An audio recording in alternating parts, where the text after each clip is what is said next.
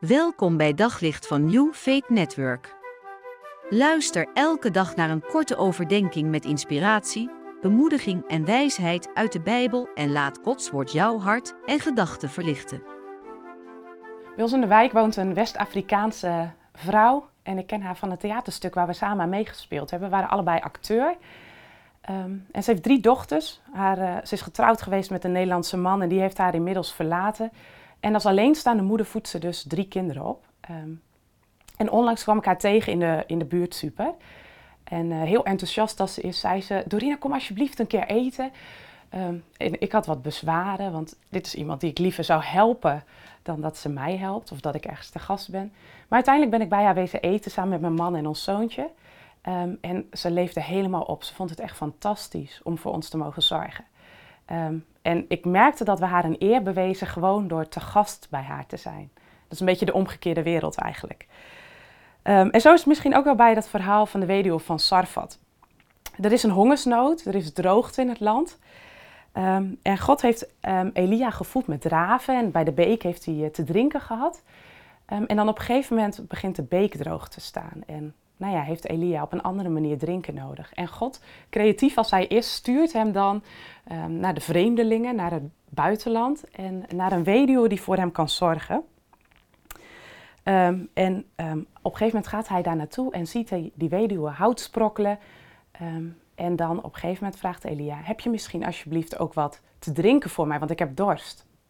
En terwijl die weduwe wegloopt om drinken te halen, roept hij haar nog wat na. En daar wil ik een tekst over lezen. 1 Koningen 17, vers 13 en vers 14. Maar Elia zei, maak u niet ongerust, doe wat u van plan was, maar bak van wat u in huis hebt eerst iets voor mij en kom me dat brengen.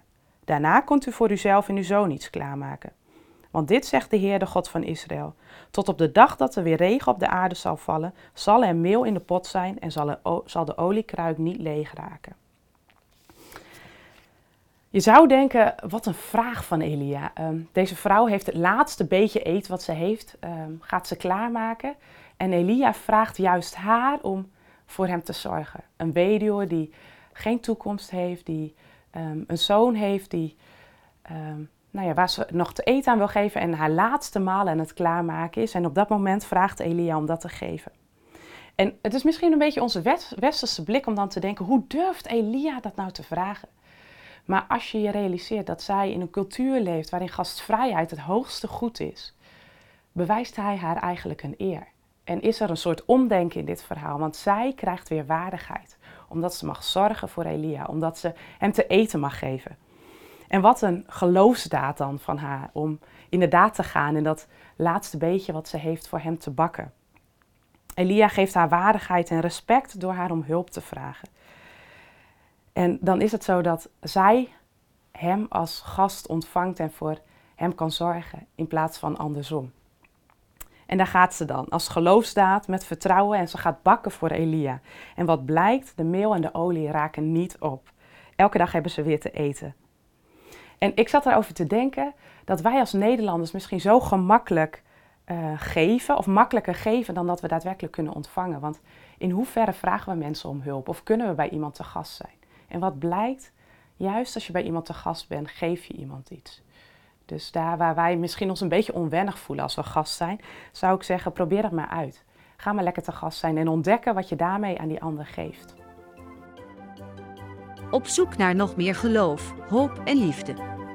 Op New Faith Network vind je honderden christelijke films, series en programma's. Nog geen lid?